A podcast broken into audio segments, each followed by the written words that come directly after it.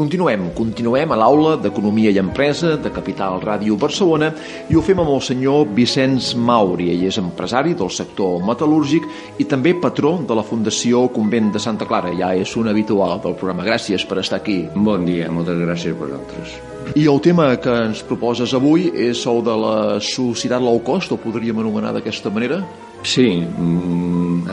una mica parlar sí, del low cost en el, món, en el món industrial, bàsicament, i potser fins i tot en el món dels serveis, també, no? Uh, sí,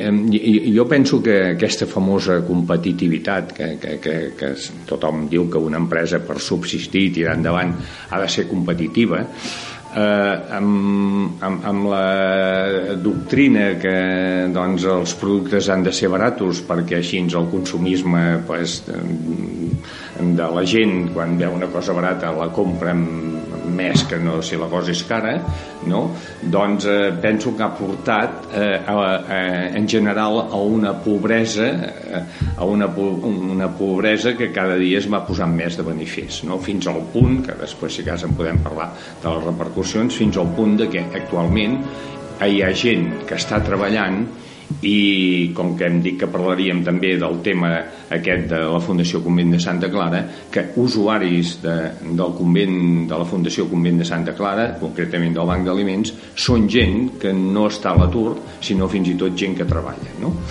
eh, mm, què passa? que eh, s'ha intentat eh, fer una competitivitat amb, amb salaris baratos, amb salaris baratos i amb marges molt baratos pels industrials que estan en una cadena de producció de qualsevol article. No?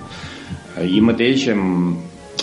aviam, la, la, la innovació i la tècnica ha portat a que alguns, alguns aparells siguin molt baratos i, i que, que quasi bé se't facin atractius de comprar pel preu. Hi ha gent que, que, que, que té la tendència a dir això poder no ho necessito però com que és tan barat m'ho compro no? i evidentment el preu és un dels ganxos que fa que compris eh, ahir per exemple estava valorant un,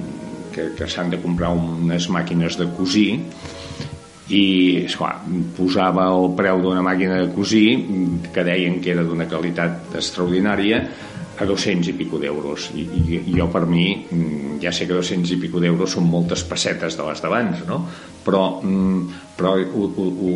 ho vaig trobar molt barat perquè clar, jo tenia la mentalitat de quan una màquina cosir a dintre estava ple de, de, de peces metal·lúrgiques, no? mecàniques i metal·lúrgiques. En el moment que l'electrònica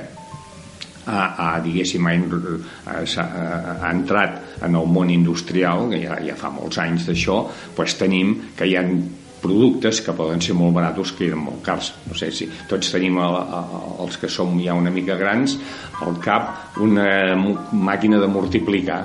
o bé fins i tot una màquina d'escriure, no? que dintre hi havia un pilot de peces i el cas de la màquina de cosir, que ha fet la tècnica ha fet que això sigui molt més barat i que pugui ser al alcance de tothom i que en puguis comprar si fa falta quan s'espatlla eh, una cada sis mesos no? això, aquesta competitivitat és bona, no? la basada en la innovació, la basada en l'avanç de les tècniques és bona,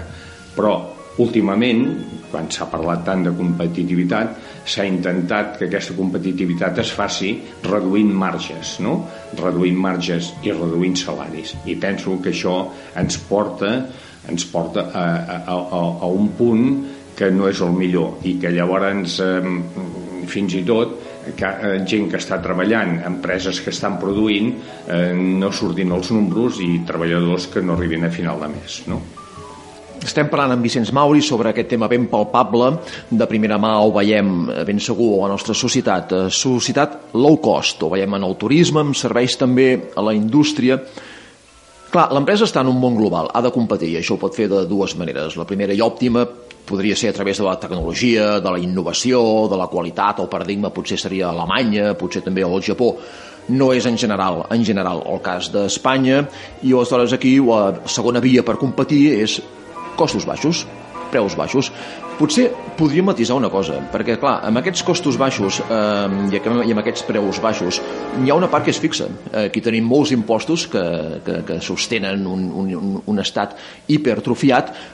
però esclar, aquests impostos no baixen. I, i per tant, diguem que la, la, el cost laboral es carrega amb un salari al final que arribarà a la butxaca del treballador que, que sí que realment està sota, sota mínims, no? Sí, sí. Mm, aleshores,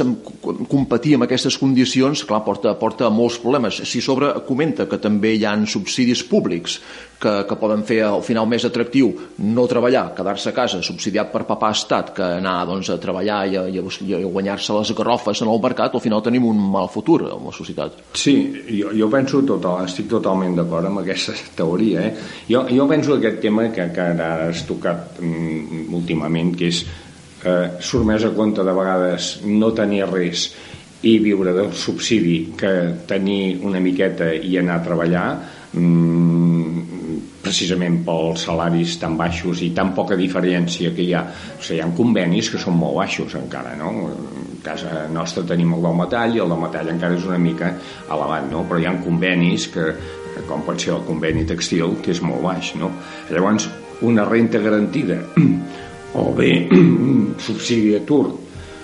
comparat amb una persona que estigui treballant en un sector d'aquests eh, de conveni baix pues, diu, és que quasi bé no em surt a compte perquè, esclar, un puesto més a més pagarà impostos del que guanya probablement de la renta garantida no pagarà impostos i, i fa que la gent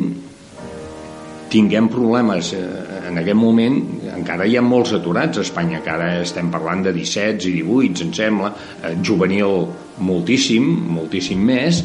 doncs ens trobem que jo també formo part d'un centre de formació professional que quan anunciem cursos del Servei d'Ocupació de Catalunya, del SOC, resulta que tenim problemes per omplir. I llavors aquí penso que és un, una, aquests arguments s'haurien de posar d'acord tots els partits, d'esquerres, de dretes, la gent que fa o fem tasques socials, i no ens hauria de fer vergonya dir que quan arriba una persona, o és d'aquí, és igual, o ve de fora, mmm, se l'ha d'ensenyar a pescar. I, I com que no té feina ni té ingressos, l'hem d'ajudar a, a mantenir-se eh, les necessitats mínimes mentre l'ensenyem a pescar. Eh, si es nega a aprendre a pescar, mm, sap molt greu dir-ho, però s'ha de prendre una altra solució que no pot ser eh, mantenir-lo eh, de totes, no? Això ja, ja segur que algú sent això i diu aquest és de dretes i no vol mantenir a la gent que ho necessita. No estic dient això. Mentre se l'ensenya a pescar hem de tenir, li hem de cobrir les seves necessitats. I quan sap pescar li hem d'oferir un lloc per anar a pescar. I llavors ja es posarà en marxa la, la, la regidoria o la conselleria d'ocupació i d'empresa perquè es pugui guanyar la vida pescant no? Eh, jo sempre dic el mateix la millor tasca social que pot fer un ajuntament, un govern d'una autonomia o un govern d'un estat és que funcioni molt la, la conselleria, el ministeri la, la, la regidoria d'economia en lloc de que funcioni la de benestar social no? tant de bo els consellers, els ministres i, i, i els regidors de benestar social haguessin d'anar a l'atur aquests sí que convindria que anessin a l'atur però desgraciadament no és el que veiem i ja dic en el tema de la Fundació Convent de Santa Clara que jo hi sóc ens donem compte que cada dia tenim més, més usuaris o clients, diguem-li com vulguem, que doncs tenen de venir allà a ajudar-se perquè amb el que guanyen treballant mm, no en tenen prou. I per altra banda, quan anem a buscar alguna persona per anar a treballar, mm, els que en tenen ganes no tenen papers, els que tenen papers com que tenen algun subsidi no en tenen ganes i, i, i s'està produint una situació una mica esperpèntica i complicada. No? Per tant, vivim en una societat fortament parasitària, amb percentatges elevats. Ens faltaria reforçar la fibra productiva, d'això que comenta d'ensenyar de, a pescar, i una vegada ensenyats, doncs, poder pescar, poder realment treballar. Es mostren molts desajustos amb persones que, que volen pescar i no poden, o amb, o amb persones doncs, que, que podem pescar mmm, es queden a casa. Mm, quina és la fundació eh, o quines són les funcions que fa aquesta Fundació Convent de Santa Clara? Bé, aquesta, aquesta fundació va néixer ja fa uns anys, ja estem parlant de, de més de 10 anys, va néixer de la mà de Sor Lucía Caram, eh, doncs, eh, repartint, repartint entrepans en el convent de Santa Clara eh, a la gent que no, que no podia menjar, no? I, i bueno, tenia uns, uns quants eh, persones que anaven cada dia allà, que es van augmentant en nombre, van començar a repartir llet, eh, Sor Lucía i les seves companyes de, del convent van començar a tenir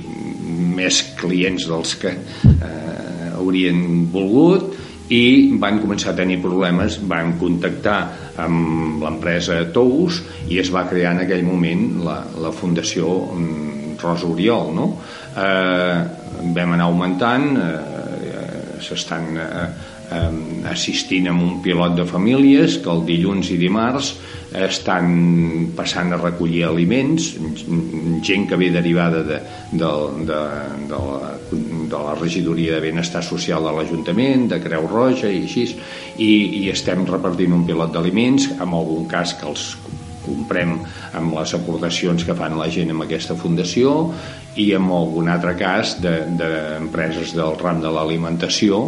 i que ens els fan arribar. I també del Banc Aliments de Catalunya que venen de Barcelona. Tenim un parell de magatzems a la Pirelli ple d'aliments que són de, de l'associació del Banc d'Aliments no? i que, que nosaltres ens podríem de gestionar. Paral·lelament a això s'han creat d'altres mm, branques de, de la Fundació que,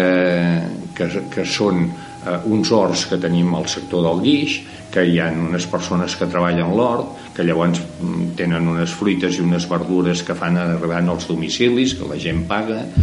tenim unes dutxes que estan a l'antic edifici de, de les germanetes dels pobres, que la gent van cada dia un nombre de, de 40-60 persones a dutxar-se allà, que surten amb roba neta. Eh, alguns són actualment aquests joves que venen sols, que venen de, doncs, de, dels subsaharians o del Marroc o d'Argèlia, que van alguns camí d'Europa del Nord, perquè eh, suposo que per, per informacions que tenen eh, els interessa més arribar a Alemanya que quedar-se aquí i doncs aquesta gent alguns dormen al carrer eh, aquests nanos que hem sentit a dir que temporades han hagut de dormir a les comissaries eh, doncs aquestes dutxes funcionen. Ja dic, hi ha cada dia uns mm, dos, dos dies a la setmana el dilluns i el dijous eh, unes 60 persones passen a dutxar-se no? hi ha el, el sector de dones, el sector d'homes el sector de canalla que han d'anar acompanyats i això què més fem? Doncs llavors, eh, sortint d'aquesta fundació, hi ha un altre tema que, que Sor Lucía l'explica molt bé, que és el tema d'invulnerables. Eh, aquí ha la fundació, bé, perquè faig un parèntesis, en un moment donat eh, doncs l'empresa Tous va considerar que eh, ells eh, continuarien ajudant però que es volien retirar de, de, de, de l'aparador de, de, la de la fundació i hem tornat a dins a Fundació Convent de Santa Clara mm. i ens hem tornat a ubicar en el convent, precisament, i el president és en Gabriel Prat i l'ànima que ho, ho tira endavant i tot plegat que manté viu és Sor Lucía Caram i un pilot de gent que formem part del patronat i això, no?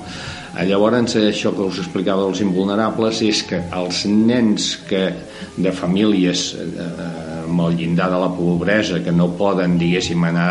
a fer anglès quan surten de, de col·legi, no? que no poden eh, anar eh, a jugar a futbol en un club, perquè avui dia doncs, participar en un club de futbol quan ets un nano els pares han de pagar, o bàsquet, o atletisme, o tot això, eh, tutelem una mica aquest, aquests nanos, que crec que aquí a Manresa hi ha unes 50 famílies, i és que aquests nanos no perdin l'ascensor social i que el dia de demà, jo sempre ho explico d'aquesta manera, siguin clients de la regidoria d'empresa de, i ocupació i que estiguin preparats i capacitats per, per mm, treballar i pagar impostos en lloc de ser clients de la regidoria de benestar social. Encomiable aleshores la tasca social que feu a la Fundació Convent de Santa Clara per tal de recollir aquests nois doncs, que estan mancats de recursos, que, per tal que no caiguin en la pobresa i recuperar-los i que puguin agafar l'ascensor social. Alguna altra funció, potser, del convent de Santa Clara? Sí, sí, per exemple, hi ha una altra secció que és la del cosidor, que doncs, eh, dones eh, generalment immigrants que els hi costava molt d'integrar-se a, a, la, a la societat manresana, sobretot ja dic per part de les dones, els homes són, eh, van, més pel carrer, s'integren més, perquè aquestes dones, algunes els hi costava fins i tot sortir de casa, doncs tenim una secció que és el cosidor, que hi ha màquines de cosir, màquines de planxar, fan treballs manualitats, fan de tant en tant fins i tot algun petit producte que eh, llavors es pot posar a la venda, amb alguna fira, eh, hi han dones d'aquí que fan de mestres, de, de tutores, que les ensenyen, eh, són formadores i, i el gran actiu d'aquesta fundació jo diria que és el gran nombre de voluntaris que tenim. O sigui, això no funcionaria si no fos perquè hi ha un pilot de, de manresans i de vegencs que doncs eh, cada setmana eh, tenen unes jornades de treball importants eh, altruísticament i que ajuden a que totes aquestes activitats es puguin tirar endavant Mm -hmm. Heu comentat que l'ànima d'aquesta fundació Convent de Santa Clara seria Sor Lucía, Sor sí, Lucía Caram, sí. i després també heu mencionat que hi ha sí, el director... El, el, el, president, el, el president, president actual de la fundació, des que hem canviat de nom, és en Gabriel Prat, és una persona que també s'ho agafa amb molta empenta. Tots els recursos humans són gent voluntària que hi aporta els hores. humans hi ha alguna persona, hi ha alguna persona que doncs, eh, hi, hi dedica tota la jornada laboral i hi ha tres o quatre persones que són assalariades perquè allò pugui funcionar. Els voluntaris quan no pots obligar per exemple si un voluntari et diu demà no podré venir doncs eh, allò ho has de cobrir com sigui. Però hi ha en Gabriel Prat eh, que, i, i 12 patrons que, que formem part d'aquest patronat i, però ja dic que la, la, la, la fundació funciona mm, evidentment per Sor Lucía, pel Gabriel pels patrons, però bàsicament el que s'ha de destacar és la gran quantitat de voluntaris que el dilluns i el dimarts estan allà al banc dels aliments que el dilluns i el dijous van obrir les dutxes les dones que ensenyen en el cosidor les dones que ajuden els homes de fer reforç amb aquests nens d'invulnerables i tot això perquè a nivell financer, a nivell de recursos materials, com, com s'alimenta, com es finança la Fundació? Bueno, hi ha una sèrie d'empreses que col·laboren, els aliments, ja dic, molts venen del bancs d'aliments i d'empreses alimentàries de que doncs, ens fan arribar part de la seva producció i gent particular que, que també ajuda, ajuda doncs, mensualment o trimestralment Tenim uns pisos tutelats, o sigui, tenim una residència a la carretera de Vic, eh, una residència que es diu s'ha mantingut el nom de Ros Oriol, és un moble que és de, de, de l'empresa Tous, de la família Tous, que allà hi, crec que si no m'equivoco, hi viuen unes 17 persones, intentem que no s'hi quedin per sempre, intentem que quan no tenen on anar, si han de venir allà, estiguin allà, però llavors de seguida que aquesta gent mm, no els hi donem els peixos, sinó que els ensenyem a pescar i els hi facilitem que pesquin i que llavors ja puguin pagar un petit lloguer social eh, amb un pis tutelat, tenim diversos pisos, algunes entitats bancàries ens n'han cedit i bé, gestionem tot això sí, sí. Aquesta tasca tan encomiable tan, tan important d'intentar recollir de que no caiguin amb, amb la pobresa i amb entorns marginals tota aquesta gent que feu a la Fundació Convent de Santa Clara clar, això enllaça i entronca directament amb el primer tema que ens heu presentat que és aquesta societat anomenada low cost on les persones que intenten tirar endavant mitjançant el treball accedeixen al final a sous nets, nets després de pagar impostos i després de pagar altíssimes quotes a la seguretat social social a, a, a imports molt baixos, molt baixos que competeixen alhora amb subsidis públics molt generosos que al final doncs, el poden decantar simplement a ja no, a no buscar feina, a no formar-se, a no treballar i estar a casa doncs, vivint apalancat eh, de papà mm, estat. O, o, o que el punt, de, el punt de relació que, que, que volia comentar és que potser aquest ascensor social que tan, tan encomiablement i eh, voleu doncs, fer, aportar-hi aquesta gent que, que està en la marginalitat potser està una mica avariat, potser està una mica parat. Voldria recordar la les xifres d'un informe Intermón que s'ha presentat recentment, en el qual comenta les dades dels 10 últims anys, des del 2008 de la crisi fins ara, fins al 2018-2019, amb què el 10% més ric de la societat respecte al 10% més pobre, la diferència ja era molt alta, el 2008 ja era de 10, 10 vegades més rics, els més rics respecte als, als, menys, als menys rics, els més pobres, la seva renda dels més rics era 10 vegades superior, però és que 10 anys més tard això no s'ha reduït, això ha augmentat i ara és 13 vegades més alta. És un disbarat, és un disbarat. Jo penso que la, el que dona riquesa en un país és la classe mitja, no? La classe mitja que ha passat en aquests anys de la crisi, el, una part d'aquesta classe mitja nosaltres quan vam començar amb el banc d'aliments dèiem que teníem l'usuari de l'Audi o sigui, hi havia gent que tenia un Audi, per dir alguna per dir una marca de cotxe, que venia a buscar aliments allà. Sí que es podia vendre l'Audi, dius, es podia vendre l'Audi. A lo millor mm, no és que se'l podia vendre, és que no podia pagar el renting de l'Audi, no? Vull dir que... I, i és clar, aquesta classe mitja, moltes se n'ha anat a, a, a, al capdavall, a la classe pobra i els alguns afortunats d'aquesta classe mitja o perquè han sigut intel·ligents o perquè ho han sabut fer o perquè han tingut sort i tot han aconseguit anar més aviat amunt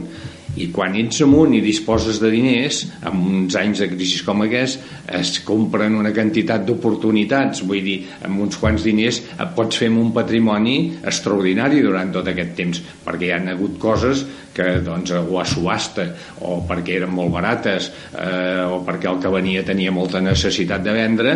i, i això evidentment s'ha multiplicat el que era per 10 ara és per 13 i jo no veig que estiguem en situació de canviar-ho, perquè eh, es comença a dir que la crisi ha passat. Jo no ho acabo de veure. I a més a més, mm, toquem fusta, però es comença a dir que si el 2020 en ve un altre. Però és que encara que no vingui, mm, durant aquest temps jo no he vist que una empresa perquè, o un treballador d'aquesta empresa les coses li vagin més bé ara que fa un quant temps no, no, no ho veig no? vull dir, eh, a més a més com dèiem amb el tema del low cost eh, alguna vegada em sembla que n'hem parlat amb aquests micròfonos del que el principal inventor en el sector de l'automoció del low cost va ser el, el senyor López de Riartua no? però és que ho ha anat copiant tothom o sigui, això de no voler-se trencar el cap i que eh, el departament més important eh, sigui el departament de compres d'una empresa eh, moltes vegades professionalitzat que penjar-se una medalla vol dir comprar més barat i fer que un proveïdor que, que tu hauria de vendre a 10 li puguis comprar a 8 mm, això no porta enlloc això no porta enlloc. Jo, jo, jo sempre dic i poder, ho he dit alguna vegada aquí i, i diu que la gent gran en repetim que la principal crisi que hi ha hagut en aquests últims anys no ha sigut econòmica, ha sigut de valors i si eh, posem més el dit a la llaga de vergonya. O sigui mm, ha canviat en uns anys tant la relació client-proveïdor acords comercials entre empreses i tot això que per anar a parar amb aquesta competitivitat i aquest low cost i aquest preu barat fa que els valors no es tinguin en compte. Mm, ara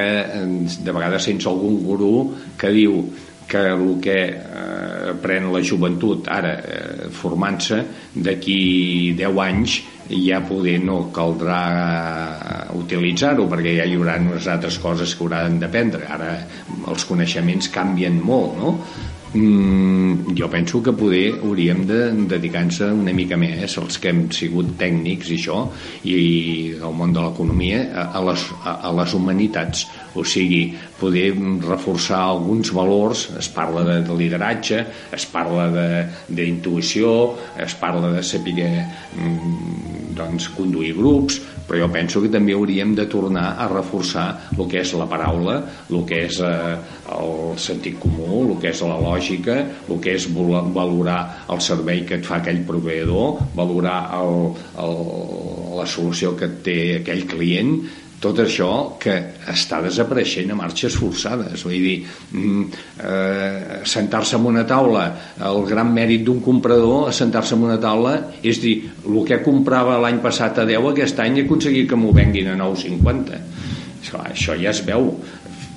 Algú comenta que, que els compradors de Volkswagen alemanys han dit en els compradors de Volkswagen Espanya, o sigui Martorell, que cuidado amb els proveïdors cuidado jo, que, que, que els proveïdors eh, eh, són els que asseguren la subsistència de, de la marca de l'OEM no? o sigui, perquè anar acabant amb els proveïdors eh, cuidado, eh?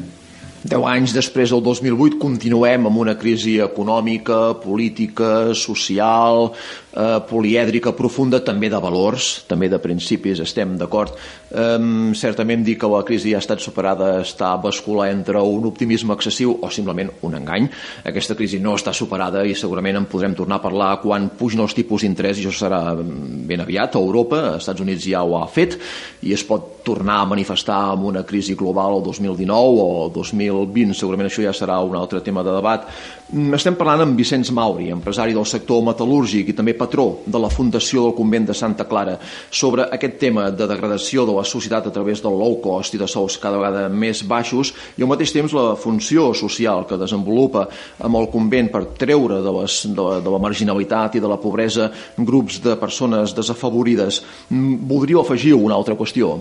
No, que desgraciadament, només per, per, per acabar, desgraciadament aquests dos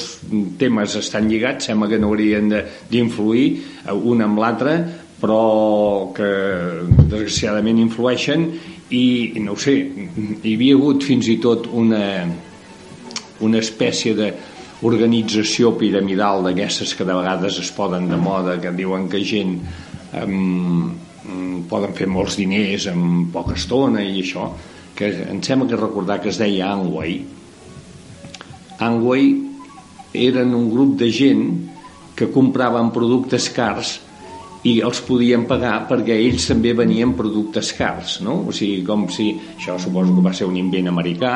fins i tot una convenció em vaig enterar que l'única vegada que Donald Trump va estar a Barcelona, ha estat a Barcelona, va estar a anar a fer un sermó, un discurs, eh, amb una convenció de gent d'Angway, no? Jo no vull arribar a aquest extrem, no? Que, que tot sigui car i que tots ens guanyem molt bé la vida, perquè segur que això tampoc no deu funcionar econòmicament, però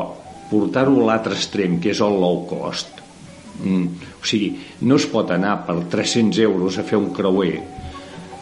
i només si s'hi va s'hi pot anar perquè hi ha una colla de gent que treballa en aquell creuer que em sembla que viu de les propines i perquè eh, viuen en el creuer i els mantenen no, no anem en lloc d'aquesta manera eh, un creuer poder ha de valdre més eh? però la gent que treballa a tota la cadena del creuer s'ha de poder guanyar la vida perquè jo penso que de l'altra manera no anem bé